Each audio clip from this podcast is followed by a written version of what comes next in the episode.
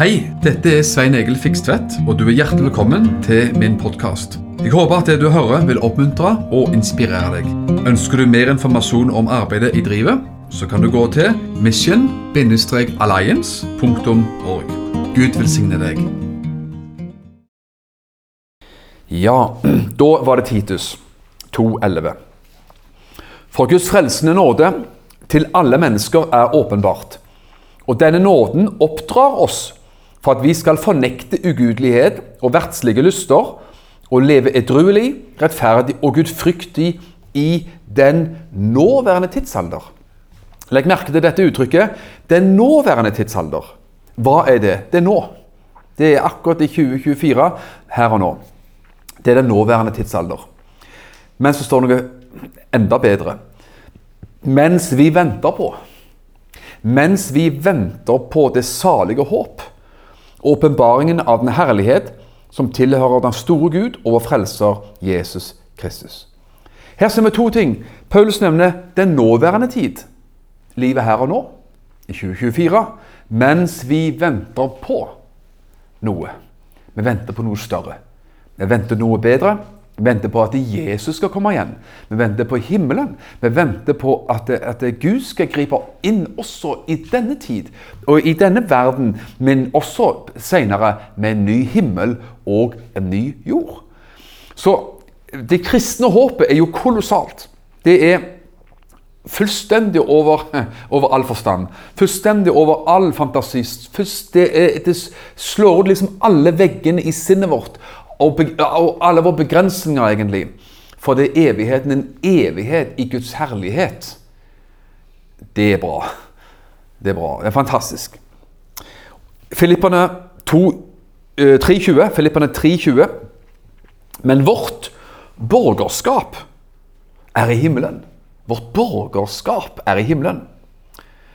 Står en annen oversettelse. Vårt hjemland er i himmelen. Er ikke det fint? Vårt hjemland er i himmelen.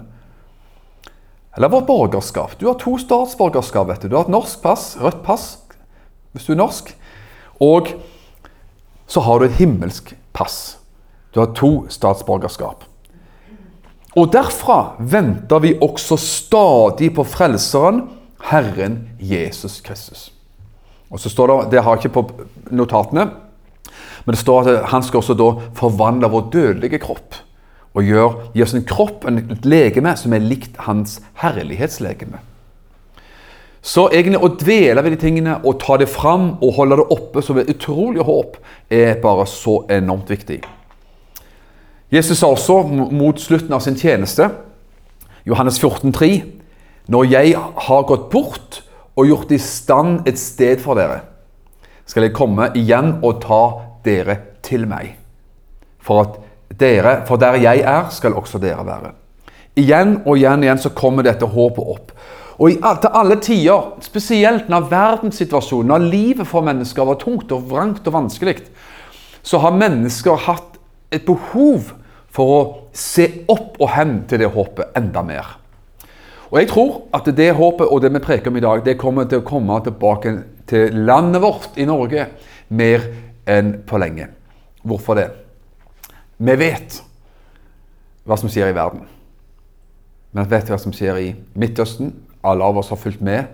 Med forbønn også, forhåpentligvis, i forhold til den krigen som føres nå på Gaza.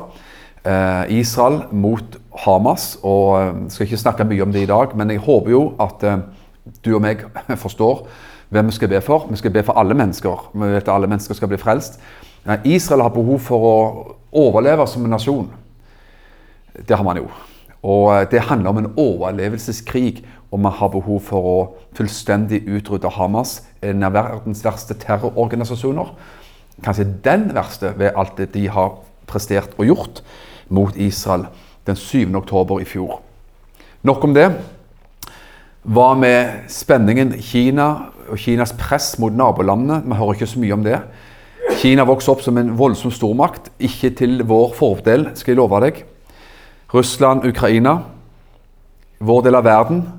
Man vet ikke så mye forskjell på godt og rett og galt lenger.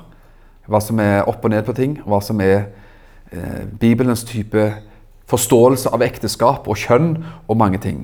Så man lever i rare og merkelige og krevende tider. Og bare på de siste 20 årene, kanskje 10 årene, så har man sett en kolossal omveltning. Som gjør at vi, vi kan se oss på en, ikke så mange år tilbake og skjønne at verden er faktisk talt på mange måter ikke til å kjenne igjen. Men da har vi et fantastisk håp uansett. Vi ønsker at verden skal bli bedre. Om verden ikke skulle bli bedre, så går Guds rike fram likevel. Om verden ikke skulle bli bedre, så har vi et enormt håp i Jesus Kristus. Et evighetshåp. Men vi ber fremfor alt at mennesker skal bli frelst. Guds rike skal gå fram. I Iran og Nepal og overalt, ikke minst i vår del av verden, der man har sett i mange tiår et stort frafall fra troen. Vi ønsker at mennesker skal komme til tro og kjennskap til Jesus Kristus. Ingen tvil om det. Et kjent, eller kjent vers det, jeg Håper at det er kjent. Et, kanskje et litt underlig vers skal du få fra første krønikebok, 1232. Det jeg har gjort nå, føler jeg Når vi har snakket litt om Jesu gjenkomst, og vi har snakket om hvordan verdens situasjon ser ut Og Da har man på en måte stilt en diagnose. Men hvis du går til en lege som bare stiller en diagnose som ikke har noen kur, han har, han har, han har ingen løsning, han har ingen hjelp å gi, så er, det ikke, så, så det ikke så veldig oppløftende. Men hvis du går til legen og sier at det og det er galt med at uh, du har fått en diagnose, men det er håp, det er en kur, det er medisiner, det er behandling, det er hjelp å få, da fatter man jo håp. Og Det er det jeg ønsker du skal få her i dag. da, det er At ikke vi stiller bare en, en dyster diagnose på tilværelsen, men du skal få håp her i dag. Det tror jeg er veldig viktig. For det, Bibelens budskap er et håp som løfter oss opp. Som ikke bare slår oss ned, men det gir oss håp, altså. Første krønikebok 1232 sier Første krønikebok 1232 Av Issakars sønner Issakar var jo en av stammene i Israel som kjente og forsto tidene, står der. Jeg tror det står en annen oversettelse. De kjente og forsto seg på tidene. De hadde peiling på tidene man levde i slik at de visste hva Israel måtte gjøre. De forsto seg på tidene. De, de, hadde liksom peiling, de tok temperaturen på, på, på, tilværelsen. Men de visste hva Israel hadde å gjøre. Altså, man, man, man stilte ikke bare en diagnose, men man hadde en vei ut av problemene. Man hadde en vei ut, man hadde et håp midt i alle ting. Og det er nettopp det jeg skal prøve å si noen ord om her nå.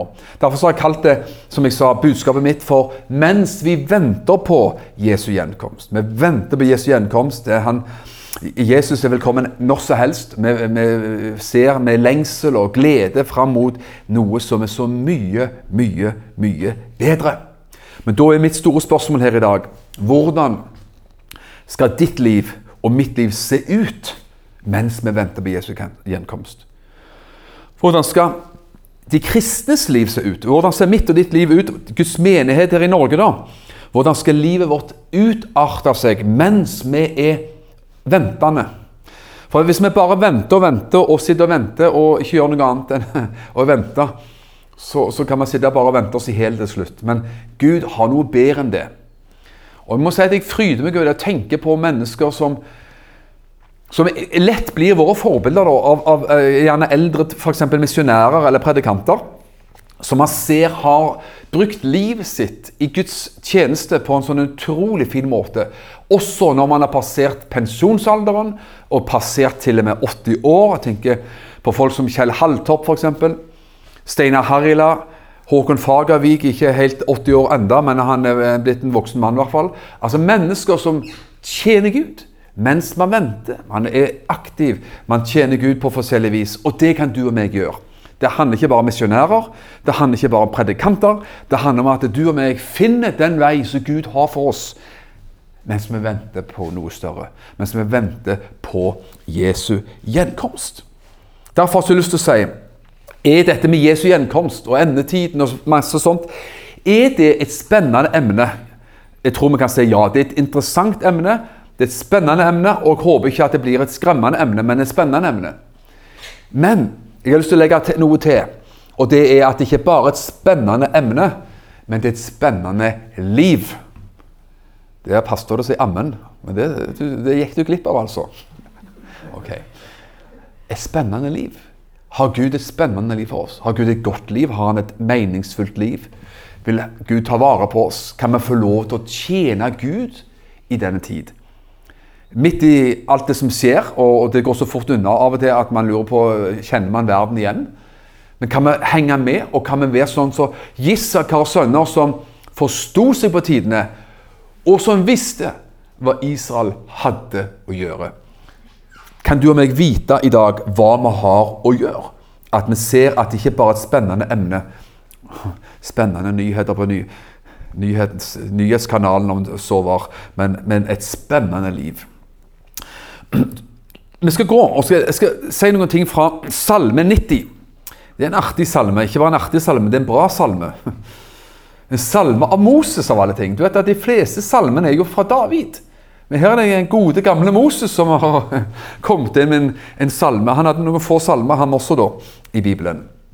Det er Moses som, som reflekterer over dette med tid. Tiden vi lever i nå, altså denne siden av evigheten. Men også evigheten. Altså tid og evighet. Nå lever vi i tiden. Når et menneske dør, så går man ut av tiden og inn i evigheten. Og Moses han reflekterer rundt disse tingene faktisk på en interessant måte. Og Da sier Moses det i eh, Salme 90, vers 2. Før fjellene ble til, ja, før du, Gud, hadde dannet jorden. fra evighet til evighet er du Gud. Det er interessant. Før alt ble skapt, var Gud. Før alt ble skapt, ble til, var Gud og er Gud. Altså, Gud, Gud sprenger alle kalendere, Gud sprenger alle tidsrammer. Gud, han er fra evighet og til evighet. Og det klarer ikke du og meg å forstå med vår begrensede kapasitet og begrensede hjerne, naturligvis. Du lar mennesket vende tilbake til støv, og da snakker han fysisk. For sjelen og ånden lever videre og evig. Men du lar mennesket vende tilbake til støv og sier, Vend tilbake, dere menneskebarn.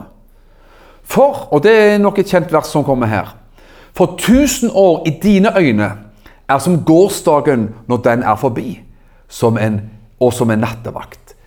Altså, i Guds tenkning, vet du, så er, og i Guds evighetstenkning, så er én dag som tusen år. Og tusen år som én dag. Altså, det, det, det, det, sprenger jo alle liksom, veggene i vårt sinn, dette her. Og vi klarer heller ikke å forstå det, men vi kan tro på det. Vi forstår det ikke med hodet, men vi forstår det med vårt hjerte. Så det er noe av det som, som, som eh, da altså Moses her prater om. Og så sier han i vers 10, og det er også kanskje et kjent vers, vers 10 Våre livsdager er 70 år, og ved større kraft 80 år. Likevel er deres stolthet bare strev og sorg, for alt er snart slutt, og vi flyr bort. Altså, menneskelivet er begrensa. Mennesket på den tiden så sa altså Moses at eh, et menneske blir 70 år, har han ekstra god helse og stor kraft, så drar man på med 80 år. Og så lever vi nå i 2024 med legevitenskap og Møllers tran. ja, vi får ta med det. En liten reklame så er det jo sånn at det er veldig mange, selvfølgelig takk og lov for det, man blir lett 80 år og er sprek og frisk og alt mulig og er aktiv på alle vis. Og mange mennesker kan bli 90 år og 100 år. Noen vet det sikkert at jeg hadde jo gleden, det var en spesiell ære og glede å få lov til å ha begravelse til ei dame som sikkert noen vet hvem er, som tangerte 100 år. Det, det føles litt sånn uh, spesielt ut, altså. Uh, Ingrid. Så, så uansett så, så, snakker Moses her om nettopp Guds evighet. For Gud er tusen år som én dag, og én dag som tusen år. Men mennesket blir 70, 80 eller 90 år. Men så sier han i dette, i dette perspektivet og i denne tenkningen så har Moses en bønn som jeg syns egentlig er veldig sterk og gripende. Og det er eh, eh, vers 12. Han sier Lær oss derfor å telle våre dager, så vi kan få et vist hjerte. Altså Ut fra alt det han har sagt, så sier han Gud, gi oss å telle dagene våre, så vi kan få et vist hjerte. Av og til liker jeg å lese, lese dette verset litt baklengs, så bare hør dette òg. Gi oss et vist hjerte, sånn at vi kan telle våre dager. Gud, gi meg visdom i mitt hjerte og i ditt hjerte, sånn at vi er i stand til å telle dagene våre. Eller la, gi oss å telle våre dager, sånn at vi kan få et vist hjerte. Altså evnen å, til å telle dagene og bruke dagene rett. Det er det det snakkes om. Altså bruke livet, dagene, de vår tilmålte tid, på en rett og god måte. Det står jo i, i, i, i uh, Hebreerne 12 eller, ja, 12, Nei, 13. Sorry. 13 et sted der. Så står det Tenk på, eller husk på deres veiledere, åndelige veiledere. Og så sier han legg, følg etter deres ferd, sier han. Og så legg merke til utgangen av deres ferd. Altså, se hen til hvordan de levde sitt liv, og hvordan de avslutta sitt liv. Vondt og trist er det når mennesker, også predikanter eller åndelige ledere, avslutter sitt liv med en skandale, f.eks. At det kommer opp ting som ikke var av den gode sorten. Men takk og lov, når det er sånn at man kan se hen til, til Guds menn og Guds kvinner og se at man levde et liv i tjeneste for Gud. Og så legger man merke til utgangen av livet og ser at utgangen var vakker og fin. Utgangen var, var på Guds vis. At man, man ser at ettermælet til et menneske er altså av den gode og fine sorten. Og det syns jeg at man skal se hen til, faktisk. Jeg har kalt dette her, jeg, jeg kaller det for meg, ingen, har, ingen av oss har, vet du Gravstøtta til kong David. Eh, om den finnes noen plass, det er ikke godt å si. Man finner jo stadig nye ting ved utgravinger i Israel. Men, men eh, gra, om de brukte gravstøtte, det skal heller være usagt. Men jeg bruker det som et bilde. da. I vår tid bruker man gravstein, gravstøtte, navn på en person. og når man, ja, når man ble født, når man døde og sånne fine ting. sant? Men la meg si det på den måten likevel. Hva tror du står på gravsteinen til kong David? En gjetning, men du skal få det fra Guds ord nesten her, da. Uh, I hvert fall lese noen fine ord om kong David, som jeg ønsker skal måtte, slå innover mitt liv, og det skal slå inn over ditt liv også. Og Det er Apostelens gjerninger 13. Og, og, det står det, det er jo Jeg tror, hvis jeg tar det eh, ikke feil nå jeg, Nå har jeg det på skjermen min her, men jeg tror det, det er altså Paulus som preker evangeliet. Og så preker Paulus da ut fra Israels historie. Han Tar, og det gjorde de jo veldig ofte. De, de begynte med ofte Abraham og tok liksom den røde tråden gjennom Israels historie.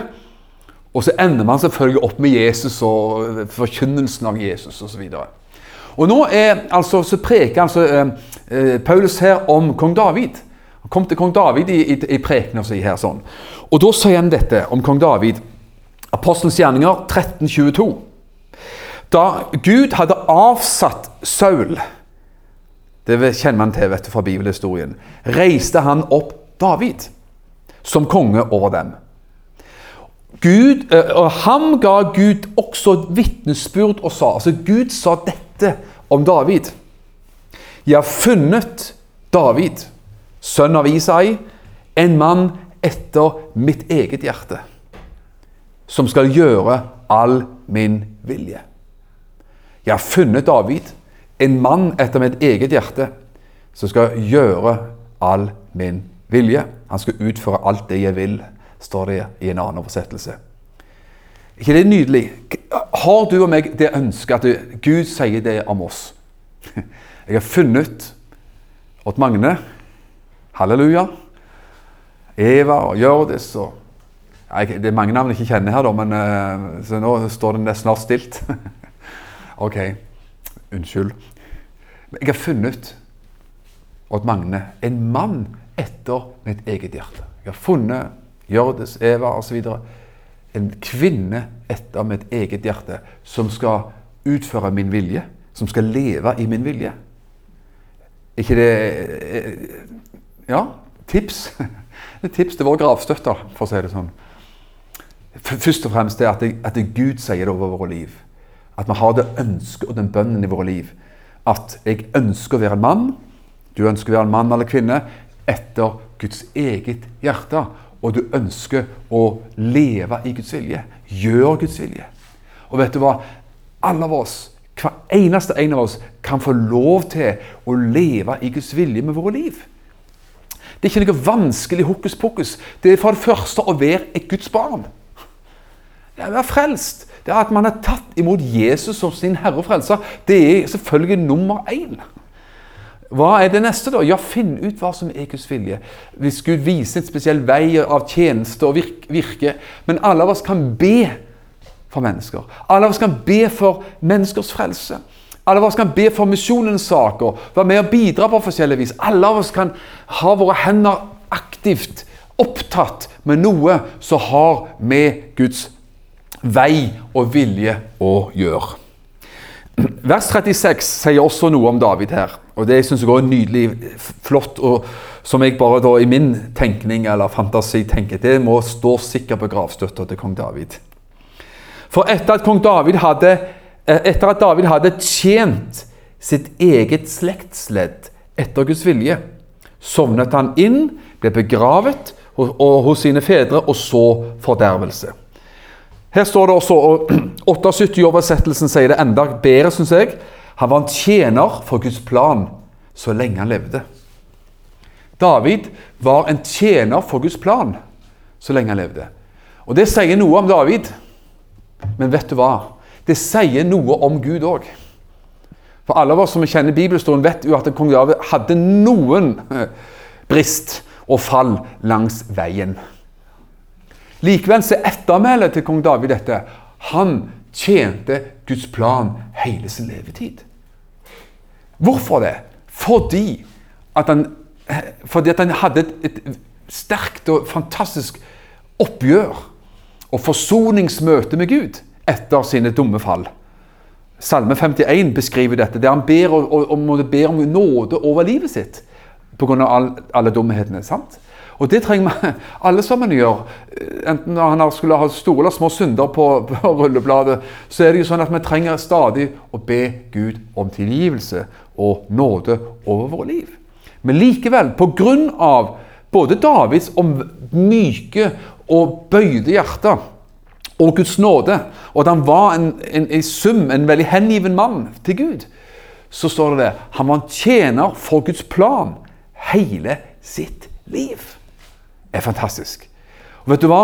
Da tror jeg at det, du, det kan du og meg òg være. Vi kan være en tjener for Guds plan hele vår levetid.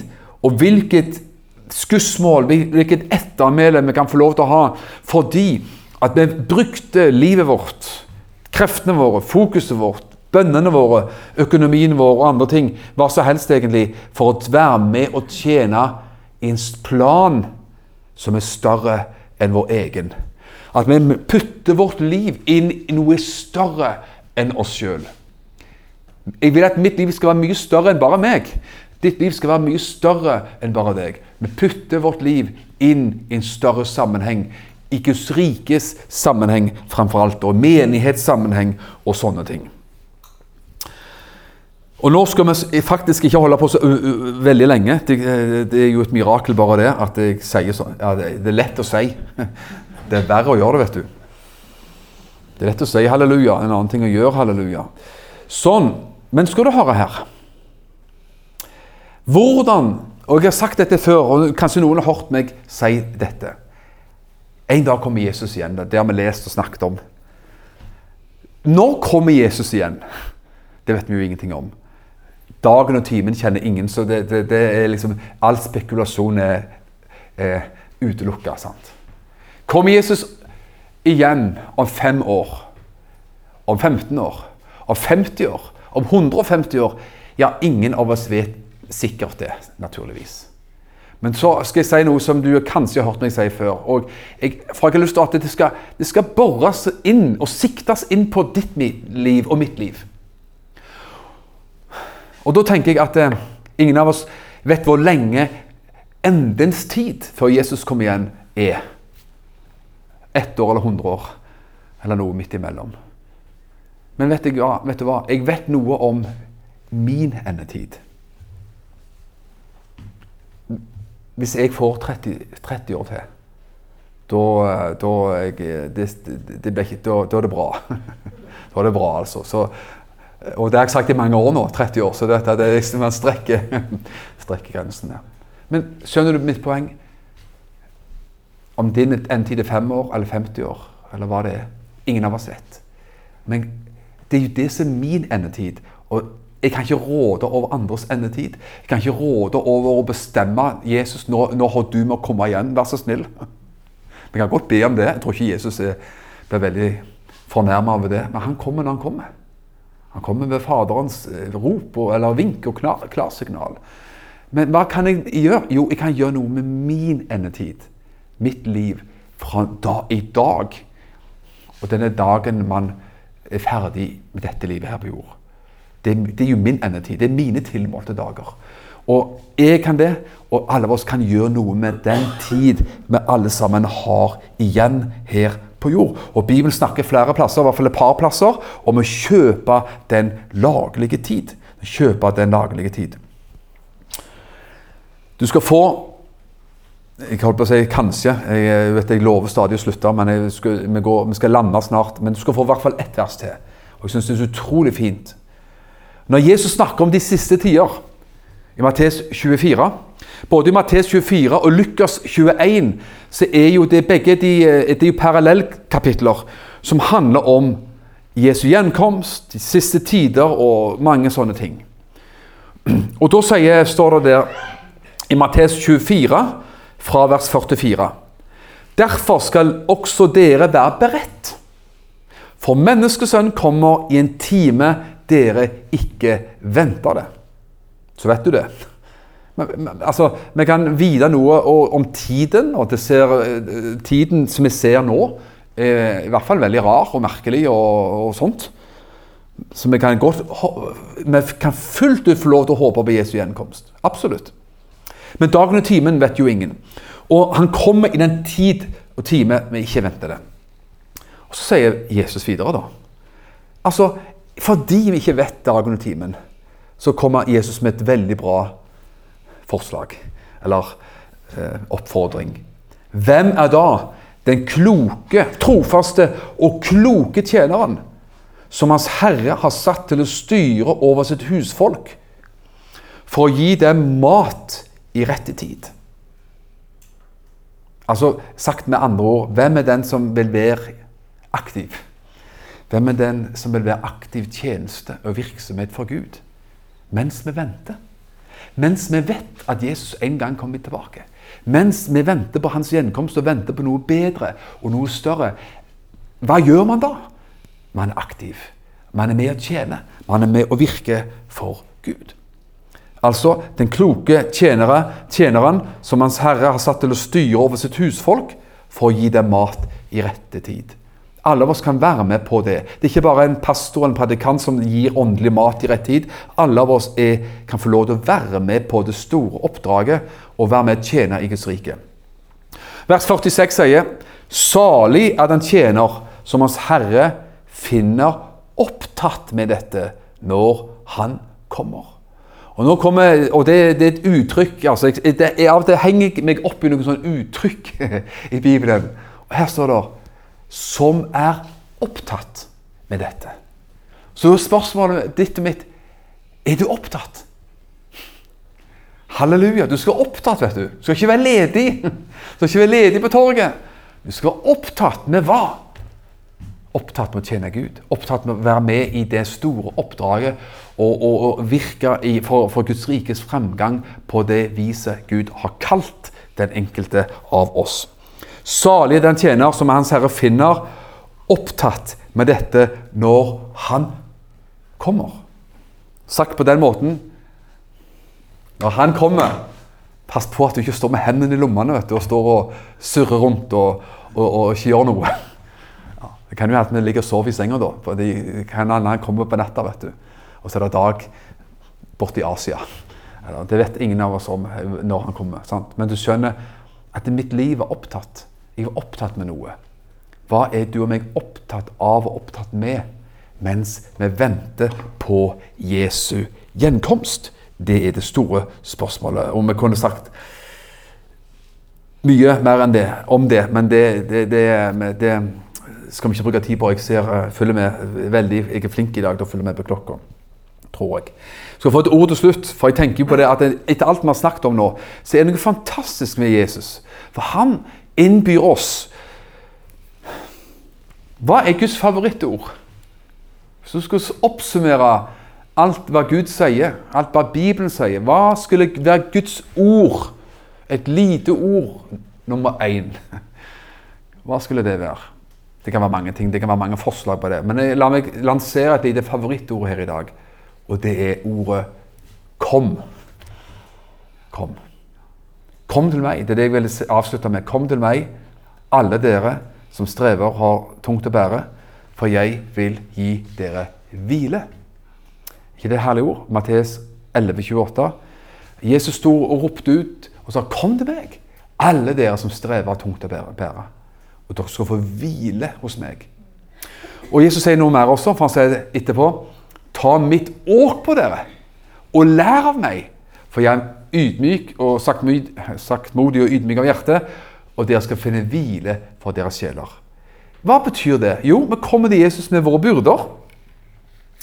Igjen og igjen. Alle byrder, bekymringsbyrder. Kom og lever alle byrdene til Jesus. Han gir hvile, og han gir fred. Så sier han også, men ta mitt åk på deg. Altså, han har et åk for oss. Hva er et åk? Jo, det er som en eh, okse eller en hest eller noe som tar får på seg seletøy og skjegen og alt mulig for å, for, å dra, for å, dra, en plog eller dra en kjerre eller dra en slede eller hva det enn er. Altså. Da, da har du lagt et åk på et dyr. På Bibelens tid var det esel, f.eks. Man tok et åk på. Så Jesus vil legge noe skjønner du, av sin byrde på oss. Sin ansvarsbyrde Tror du at Gud bryr seg om mennesker som er i nød? Tror du Gud bryr seg om mennesker som ikke er frelst? Tror du Gud, tror du Gud verker etter å nå mennesker med evangeliet? Hm, garantert. Og da er det sånn, Se for deg dette. Jesus, du, meg, du og meg kommer til Jesus med våre byrder. Så sier Jesus men uh, før du stikker, før du stikker din vei, kan jeg få lov Når du gitt, gitt dine byrder til meg, sier Jesus, er det greit at jeg får lov til å legge litt av min byrde på deg. Mitt, min ansvarsbyrde. Vi kan ikke tåle å bære alle, hele Guds byrde. Tenk, tenk, tenk, hva alt Gud ser, da. Tenk alt hva Gud må se og vite om av alt som skjer i verden. For å si sterkere Gud. Det er godt ikke vi er Gud som ser alt. Vi ser nok allerede gjennom nyhetene. Men Gud ser alt. Og så sier Gud at det, kan jeg få lov til å legge en ansvarsbyrde på ditt liv for noe eller noen. En bønnebyrde. Jeg håper alle av oss, jeg tror vi er i samme båt der, så, jeg, så det burde være enkelt. En bønnebyrde for Israel. Guds plan med Israel og jødefolket. Krigen i Gaza selvsagt skal gå opphøre så fort som mulig, men at Hamas må beseires. Amen. Det får man lov til å si at det jødiske folk skal oppleve Jesus som sin Messias. At evangeliet skal gå fram overalt på jord. Det er mange ting som vi vet vi kan be om, og som er i tråd med Guds vilje. Kan vi være med og be, ta de byrdene inn i våre, våre liv som vi ber i tråd med hva som er Guds vilje? Kan vi bruke våre midler i tråd med Guds vilje? Kan vi være engasjert med våre liv i tråd med Guds vilje? Det er jo å ta Jesu byrde på våre liv. Og han sier min byrde er god. Min åk og byrde er god og lett. Vet du hva? Det er bra å være i Guds plan og vilje, eh, og vilje med livet. Vet du hva? Man er, man er, mye lykkeligere i Guds plan og vilje med livet enn utenfor Guds plan og vilje med livet. Det var bra sagt, det også, skal jeg si deg. Halleluja. Det, er, det, svarer seg. Det er lønnsomt. Det er bedre å være i Guds vilje med livet enn å ikke være i Guds vilje med livet. Og enhver av oss kan være i Guds plan og vilje med våre liv på et eller annet plan. Og, og på forskjellig vis i, med, uh, i våre liv. sånn. For vi, våre kall for, uh, er forskjellige. Og våre ressurser og våre muligheter er forskjellige. Men alle av oss kan være med. Amen. Takk for at du har lytta til denne podkasten. Jeg ønsker deg en velsigna god dag.